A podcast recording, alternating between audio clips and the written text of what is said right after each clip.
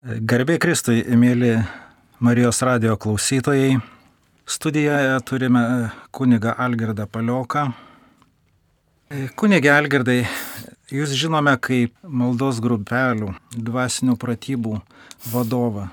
Ar galėtumėte tarti keletą žodžių, kaip jaučiatės toje tarnyboje? Kadangi man teko tarnauti nu, įvairiuose srityse, būti parapijos klebonu arba tiksliau sakant misijos direktoriumi Lemonte, dirbau tą parapijinį darbą ir turėjau atlikti tos uždavinius, kurie tenai iškildavo. Vienu žodžiu, pažįstu tokį tarnystės stilių. Na, o dabar tenka darbuotis su grupelėmis ir, ir rekolekcijas vesti. Taigi šitas dabartinis dabartinė mano tarnystė yra gana kitokia ir man ypatingai miela ir artima. Todėl, kad šitas uždavinys, kurį reikia atsakyti ir vesti toliau žmonės, man yra labai artimas dalykas, kadangi tai kartu yra surištas su tobulėjimu maldoje, gyvenimo tobulinimu ir žinoma jėzuitišką tarnystę, nes čia šventasis Ignacas toje srityje jau angažavo jėzuitus ir tai viena iš to misijos ryčių, kurioje mes jėzuitai darbuojamės. Ar galėtumėt pasidalinti įspūdžių patirtimi, kuri dabar ateina į galvą iš tos vat ilgametės tarnystės?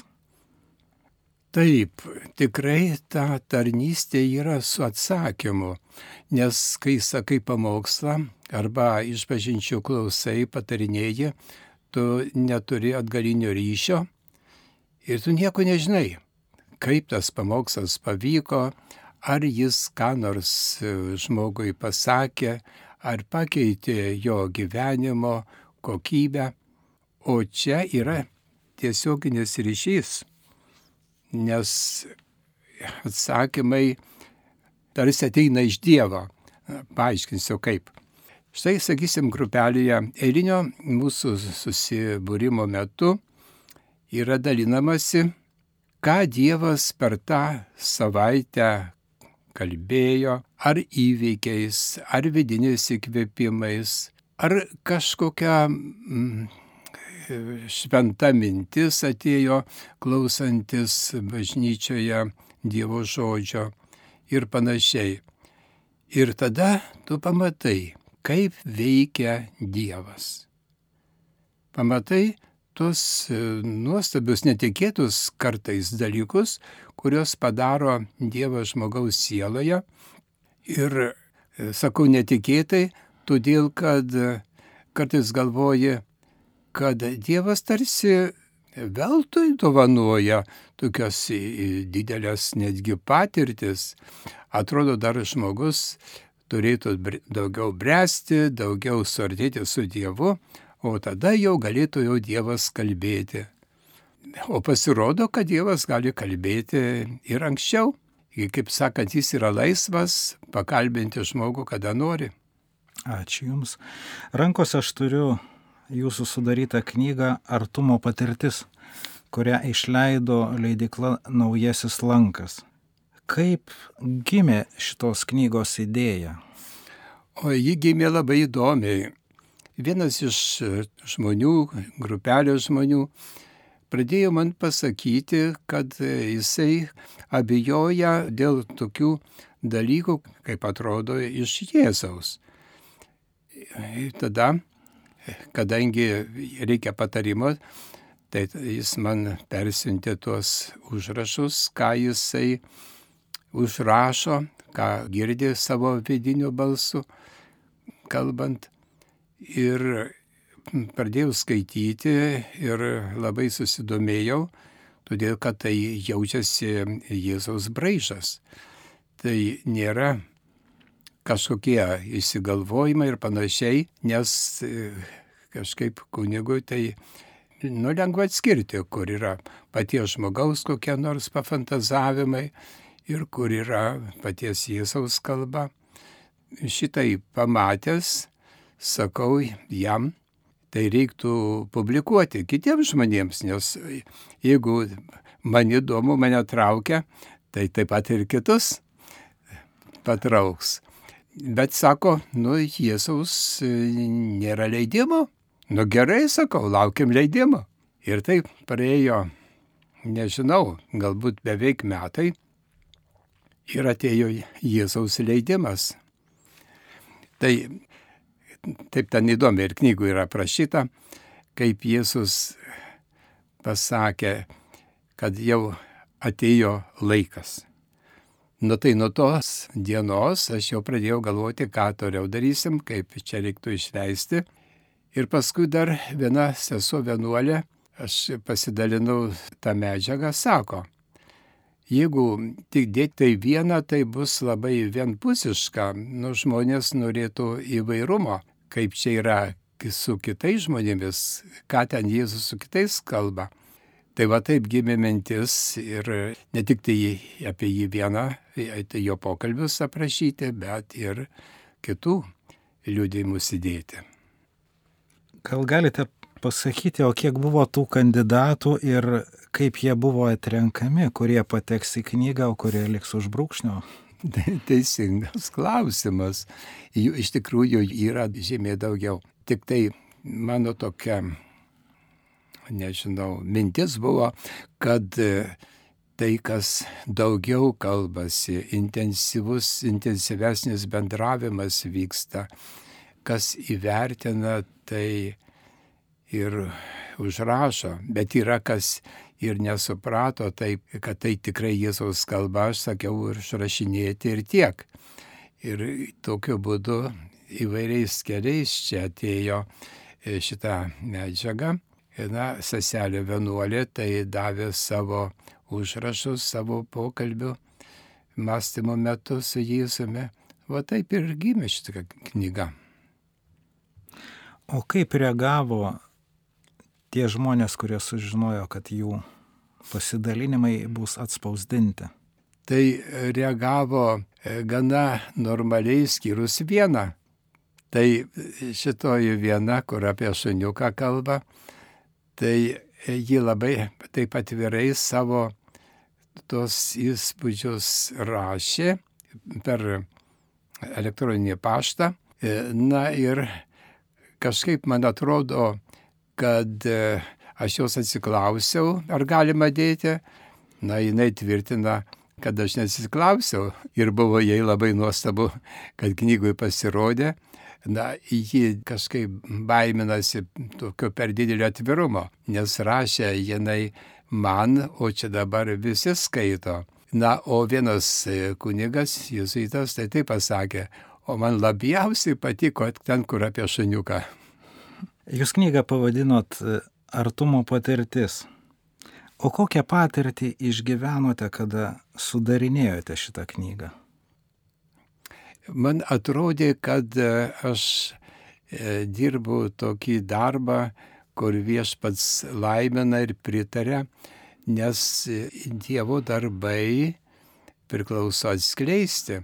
Kaip jūs žinot, kaip būna atvykę kokie nors misionieriai, kai jie pagydo ir tada tą žmogų pakviečia į sceną, kai jisai paliūdė to Dievo darbą. Tai man buvo šitas dalykas toksai džiaugsmingas. Ir kol iki galo buvo privesta knyga, tai teko tris kartus ją labai nuodugniai perskaityti, ieškant ir, ir kokiu tai klaidų ir tobulinant. Beje, kur Kristaus žodžiai, tai tie jie nebuvo keisti, tu negali viešpati taisyti o kitų, kur žmonių žodžiai, tai ten jau galima kažkiek patobulinti. Pokalbio pradžioje jūs e, paminėjote apie atgalinį ryšį. Ar jūs gavote atgalinį ryšį iš tų žmonių, kurių čia patirtis yra sudėta ir koks tas jų atgalinis ryšys buvo? Nu tai didžiausias tas atgalinis ryšys buvo iš Mariaus, e, kadangi ten jisai ne tik tai vertina tai, ką jisai iš Jėzaus išgirdo, bet jis ir gyvenimą keičia pagal tai, reguliuoja savo visą, visus santykius, viską. O, kiti tai kažkaip normaliai, todėl kad nu, jiems tie dalykai yra įprasti, žinomi ir, ir čia nieko stebuklingo, kai pasirodė, kad yra spaudoje. Jūsų žiniomis, ar ta knyga yra skaitoma? Pastebėjau, kad ta knyga galbūt šiuo metu yra tas tai noras sumažėjęs, kaip mūsų knygino darbuotojos sakė, kad po pandemijos knygos labai silpnai eina. O man atrodo iš tikrųjų, kad tai žmonėms yra kažkokia tarsi nežinomas rytis. Kaip dabar čia su Dievu gali turėti patirtį? Nežinau, jeigu tai būtų klausinėjami tie eiliniai bažnyčią lankantis žmonės, kurie kad ir kas sekmadienį nepraleidžia mišių, nežinau, ar jie apie patirtis pradėtų kalbėti, nes jeigu jie neturi, jeigu ateina tik tai kaip įstatymo vykdytojai, nes yra pagal Zundelį įstatyminė krikščionybė ir meilės krikščionybė. Tai apie tą meilės krikščionybę mažai kas nuvokia. Deja taip. Knyga kalba apie patirtį ir, vad jūs kaip minėjote, tą karantino pandemijos laikotarpį, jisai iš tiesų atnešė tai, kad va, tas ryšys, ta tarpusavio santykio patirtis, jinai dėl uždarimo, dėl judėjimo, pribojimo, jinai pradėjo traukinėti ir kaip ir suprantama, kad žmogus pradeda nesuprasti, kas toje knygoje yra parašyta, apie ką yra kalbama. Galbūt jūs e, bažnyčioje matote šitos dalykus. Na, e, šitos vidinius dalykus pamatyti yra e, sunkoka, tik tai matai, kaip reaguoja žmonės į pamokslą, kai jisai nueina į patirties rytį, meilės santykis su Dievu, matai, kad žmonės nu, nelabai supranta apie tai. Tai va tiek matosi. O ir iš viso matosi dar šitas dalykas iš, iš pažinčių. Tu matai, kaip žmonės reaguoja į nuodėmę, matai, kaip kovoja, matai, ko ilgisi nu, nėra to dalyko, kad būtų aišku, kad žmogui reikia stipresnio, sakytume, e, artimesnio, intimesnio ryšio su Jėzumi. Kažkaip to, to ieškojimo nepastebi. Ir paskui dar kitas dalykas, kam mes dovanojas tą knygą, tai nu ne visi atsiliepia ir pasakoja, kaip ji paveikė. Nu dėja taip. Artumo patirtis tai Dievo patirtis ir tuo pačiu būdas pamatyti jo pėtsaką žmogaus gyvenime. Gal galėtumėt pasidalinti kokiais patarimais, rekomendacijom, kad žmogus galėtų atpažinti, pastebėti tą Dievo pėtsaką jo kasdienybės gyvenime. Taip, e, kartą grupelėje ir ne vienoj grupelėje pasakiau, žinokit, kad jūs esate visi mystikai. Tai nustebę žmonės kraipo galvas, e, purto galvas, kad šitaip nėra, kaip mes galime būti mystikai.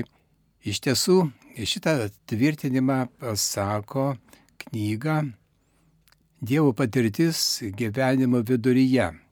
Autorius yra ispanas, išvertimas ir prieš keletą metų padarytas. Na labai gera knyga, kuri parodo, kad mistinių patirčių, mažiausio laipsnių žinoma, yra patyręs kiekvienas žmogus. Tik tai nepriskaito jokių būdų prie to, kad čia jau yra ryšys, kad čia yra jau kaž, kažkokia E, mistikos užuomasga, nes santykis su Dievu mes vadiname mistika. Ir galvoja, kad čia mistika tai kažkas ypatingo, tai yra tai, ką šventieji turėjo, kitaip sakant, koks jau buvo jų santykis su Dievu. O, o čia, čia žemėje, kad kažkas buvo kitaip, tai jiems visai netrodo, kad čia yra jau ta patirtis su Dievu, kaip, sakysim, yra tokie paprasti dalykai. Kai, sakysim, maldoje mintis nuplaukia ir ne tik mintis, bet ir kažkoks jausmas apima ir tu nežinai iš kur jis, kaip čia dabar yra, kažkas labai gero. Nu tai aiškis jau Dievo prisilietimą rodo ir tai yra jau mistikos pradžia. Ir dar vieną neišverstą angliškai skaičiau knygą Amerikoje apie tai, kad normali parapija, nemaža, Amerikoje turi tiek grupelių, kiek yra žmonių reikmių. O žmonių reikmės, sakėme, žinom, katekizacija, sutvirtinimas, ligonių lankymas bendraujant, ligonių lankymas vežant švenčiausiai ir švento rašto studijų, tikėjimo pagilinimo ir taip toliau tų grupelių priskaičiuojama apie 20. Ir jisai sako, bet koks nusivylimas, kad nėra grupelių vedančių į mistiką.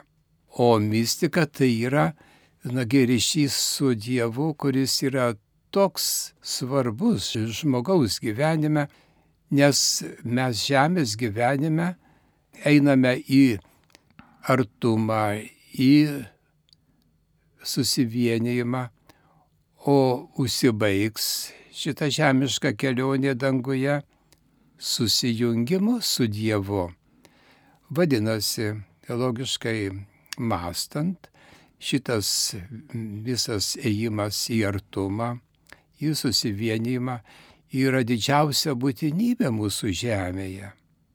Šventieji tai įvykdė, bet tai priklauso kiekvienam žmogui tai vykdyti. Tai reiškia, šitas, šita mano knyga ir turi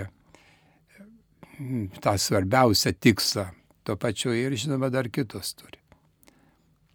Kada mes išgirstame žodį mistika, iš karto pagalvojam, ai, ten kažkas anapusėbė, kažkas ant gamtinio, kažkas nepažįstamo, nematomo.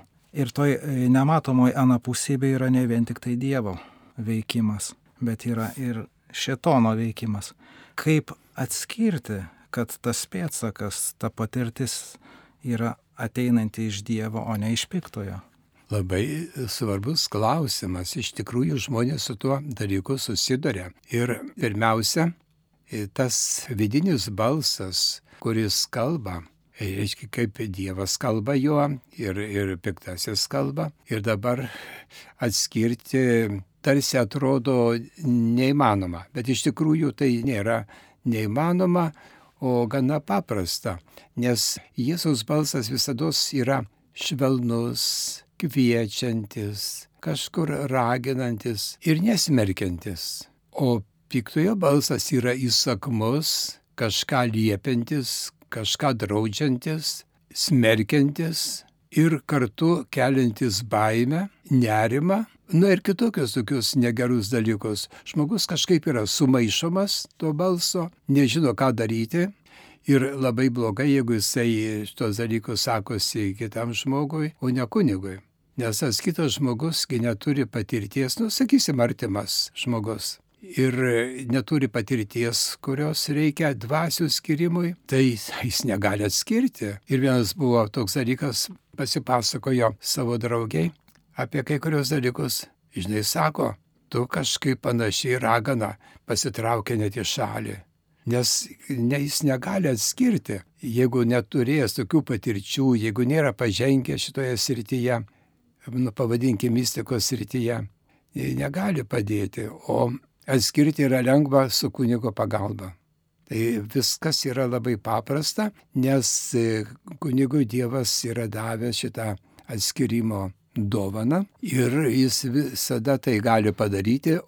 Tai vienu žodžiu, čia nėra, nėra bėdos ir jokių būdų negalima, taip jau čia pamokydamas sakau, jokių būdų negalima viską sustabdyti, nieką nekreipti dėmesio, uždaryti šitas duris ir man nieko nereikia, aš tik tai kaip įsakymus vykdau ir, ir einu išganimą.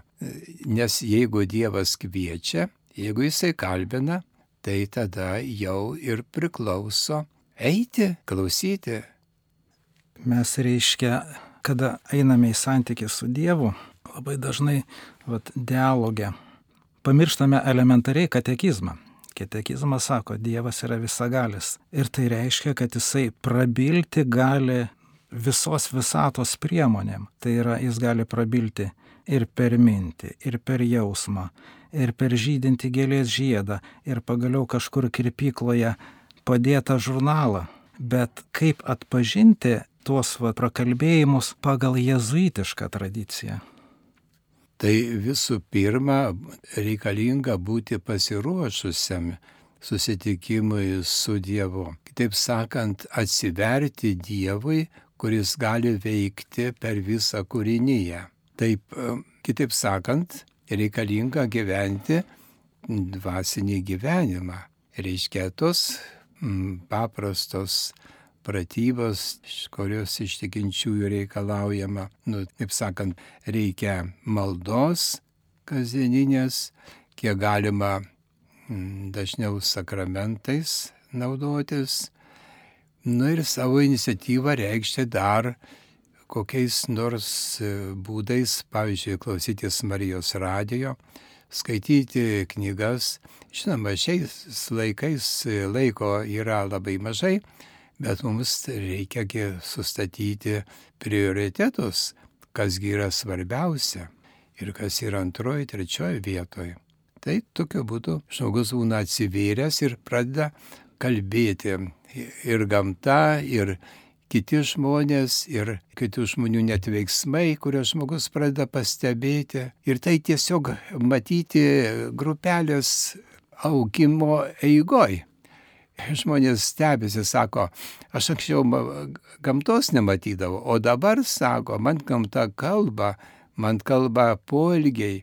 Ir ne tik tai tie teigiami poelgiai, ir tie negeri žmonių poelgiai irgi kažką sako, kažką moko.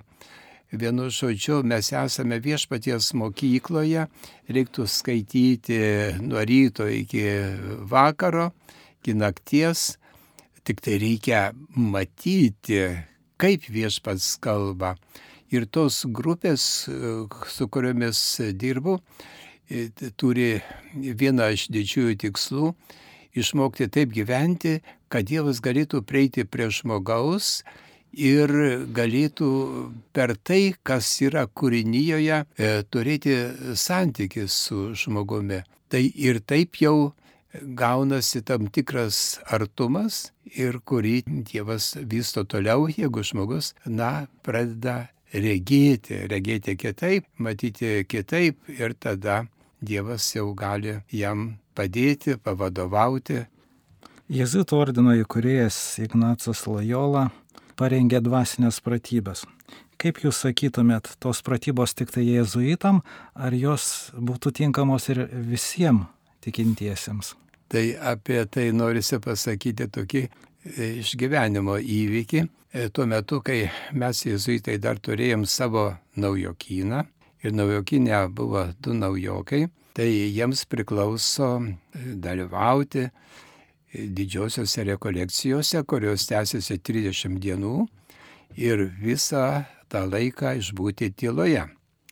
Reiškia malda, tyla, Euharistija Ir atsirado žmonių kur, iš pasauliečių, kurie sako, ir mums reikia, ir mes norim. Tada priimė ir, ir pasauliečius, kuriems, žinoma, labai sunku tas 30 dienų kažkaip tai išplėšti iš gyvenimo. Bet e, buvo taip. Na, o dabar jau čia Lietuvos patirtis. O jau kalbant taip apie e, pasaulį, Taip, tai šitas prašymas e, tokių rekolekcijų, kurios dalinai yra neįvykdomos pasauliečiams, nes 30 dienų tai jau nežinau, kas gali gauti atostogų. Tai vienas jėzuitas ispanas parašė knygą Eik į savo kambarėlį, kurioje išdėsto tos pačius tiesas didžiųjų rekolekcijų, bet kitokiu būdu. Tokiu pasauliečiams prieinamu būdu ir jis išdėstė į 33 savaitės. Ir tada mes, jezuitai, naudojamės ir tie žmonės, kurie nori praeiti tos rekolekcijas, pradeda nuo rugsėjo kažkur vidurio ir va 33 savaitės susitinkama, kartas per savaitę susitinkama pasidalinimui apie Dievo nuveiktus dalykus sieloje ir 33 savaitės yra užpildytos mokymais, reiškia kiekvienai dienai, septynioms dienoms yra duoti pamokymai apie ką mąstyti. Ir taip žmogus, va, neatsitraukdamas nuo gyvenimo, nuo tarnybos, nuo nieko, laisvai gali tai praeiti, paukodamas pusantros valandos tam susitikimui, kuris, kaip sakiau, vyksta kas savaitę. Toje 33 savaičių kelionėje yra kalbama apie pagodą ir nepagodą. Gal galėtumėte truputį plačiau apie tai?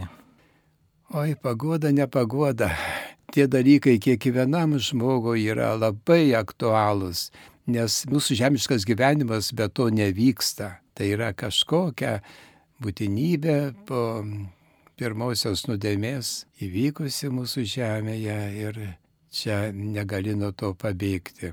Taip yra nepagodos, kuri mums gerai pažįstama iš to, kad atsiranda kažkoks nenoras melstis arba tiesiog maldoje yra sausumas, šaltumas ir iš viso nuotaika yra nekokia. Kažkaip pradeda viskas nervinti.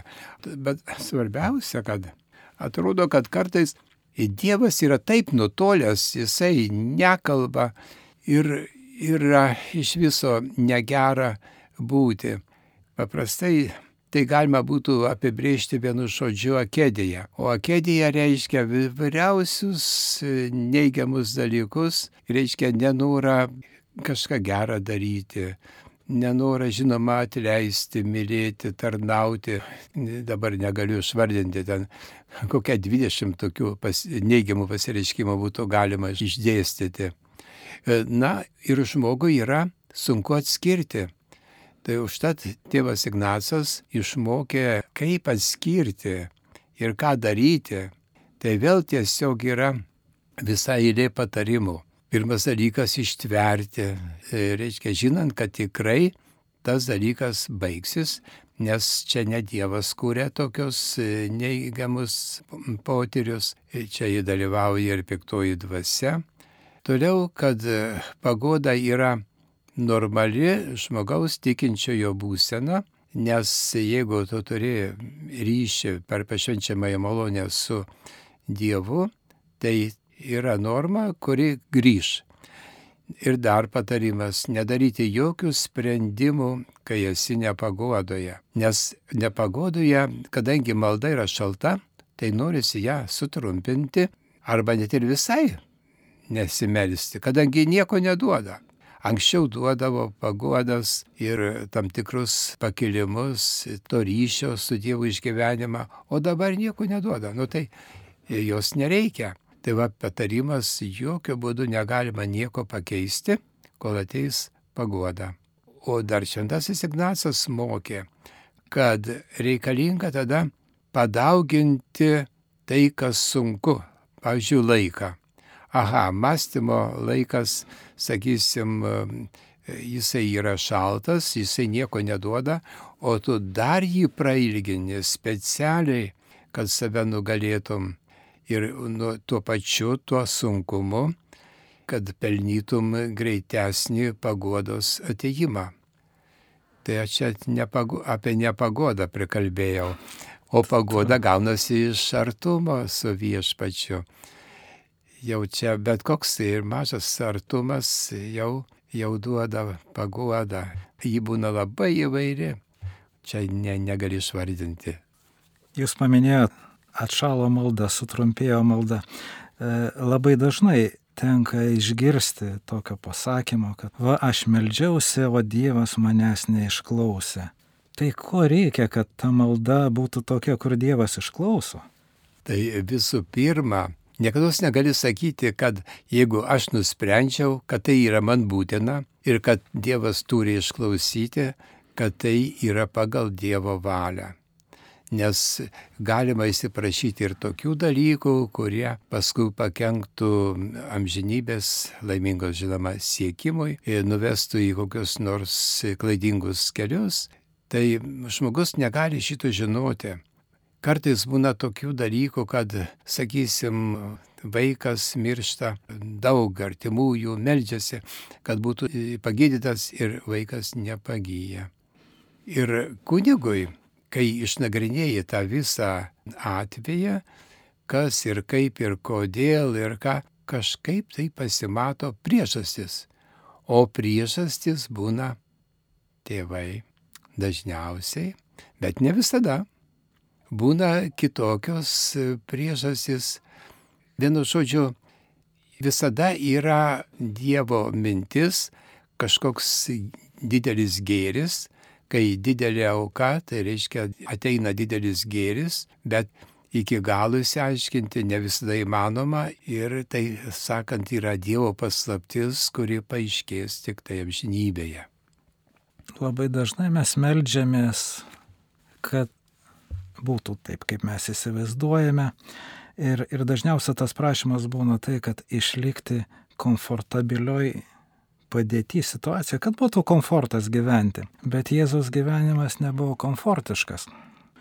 Ir Gecemanės sode, jeigu įmanoma, tai Jėzus tarsi sako, nu, tėve, galbūt to komforto, bet jisai šitoje vietoje sustoja ir žengia tolyn, te būna tavo valia. Tai yra, kad gyvenime būtų ne komforto daugiau, o to gyvo gyvenimo. Ar nepasakytume to pačio, kad mūsų vat, maldose trūksta tos ugnies, kad žengti į tą nežinomybę, į tą išbandymą, prašymo išeiti iš komforto zonos? Tai taip, žmogus nori gyventi komfortiškai, čia kiekvienas žmogus to nori. Ir tam, kad galėtum kitaip pažiūrėti savo gyvenimą, kitaip jį vertinti, tai reikalingas tikėjimas ne bet koks, bet jau tikras, kai galėtume eiti pagal Jėzaus pavyzdį ir tu juo sekdami visada laimėsim, visada teisingai pasielgsim, visada pasirinksim Dievo valią. Taip, žemėje mes nesam tam, kad mes čia gyventume komfortiškai, be galo laimingi, tarsi rojuje būtume. Čia yra tik tai tas laikas, kai mums reikia parodyti savo atsigrėžimą į Dievą ir ėjimą į santykių su juo, o visa kita bus danguje. Apie dangų va ir Jėzus būdama žemėje nenupasakojo, kaip ten viskas bus, tik tai mes žinome Pauliaus tą tvirtinimą ko akis neregėjo, ko žmogus negirdėjo, kas iš širdį neėjo, Dievas prirengė jį mylintiesiems. Tai mes ten mūsų gyvenimas, ten mūsų e, asmenybės realizacija. Ten yra viskas, ką svajonės sako, ko širdis trokšta.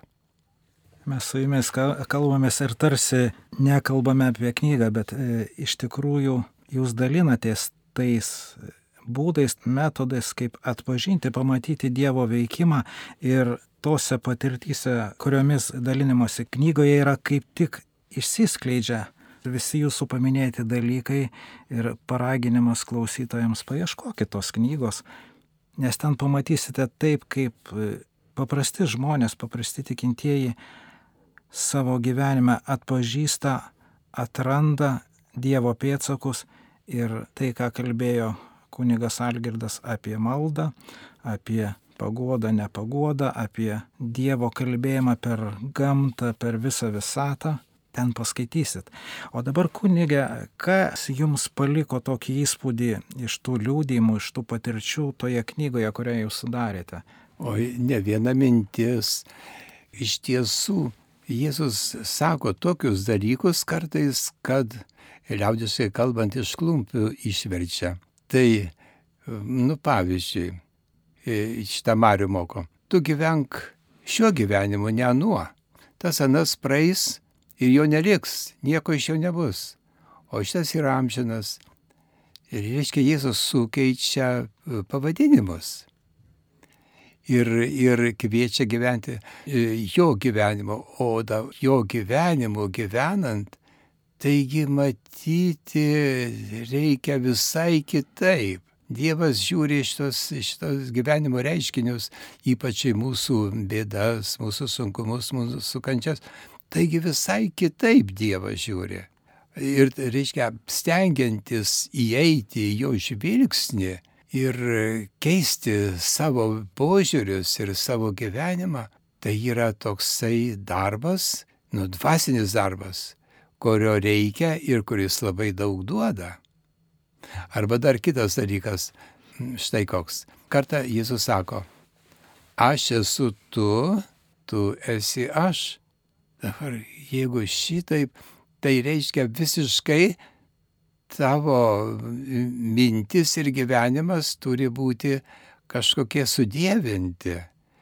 Liktai gyventum ne žemėje. Žemėje taip gyveni, bet ne žemiškai. Na ir įgyvendinimui kiek reikia laiko? Viso gyvenimo.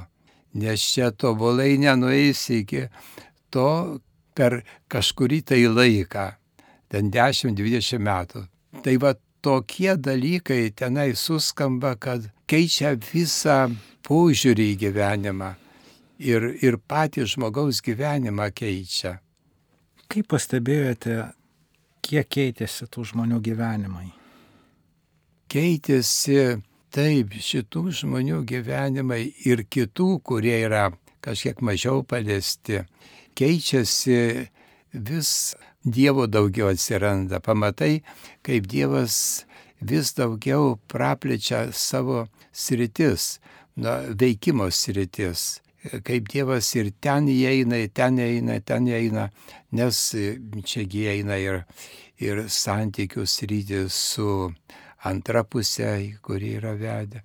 Paskui santykiai su vaikais, santykiai su bendradarbiais, tiek keičiasi, kad, nu, pažiūrėjau, liūdėjo, sako, prieš metus man bendradarbių pažeminimas, sako, nežinau, kokias audras būtų sukėlęs ir kiek aš būčiau išgyvenusi šit, dėl šito dalyko, nusako, savaitę mažiausiai.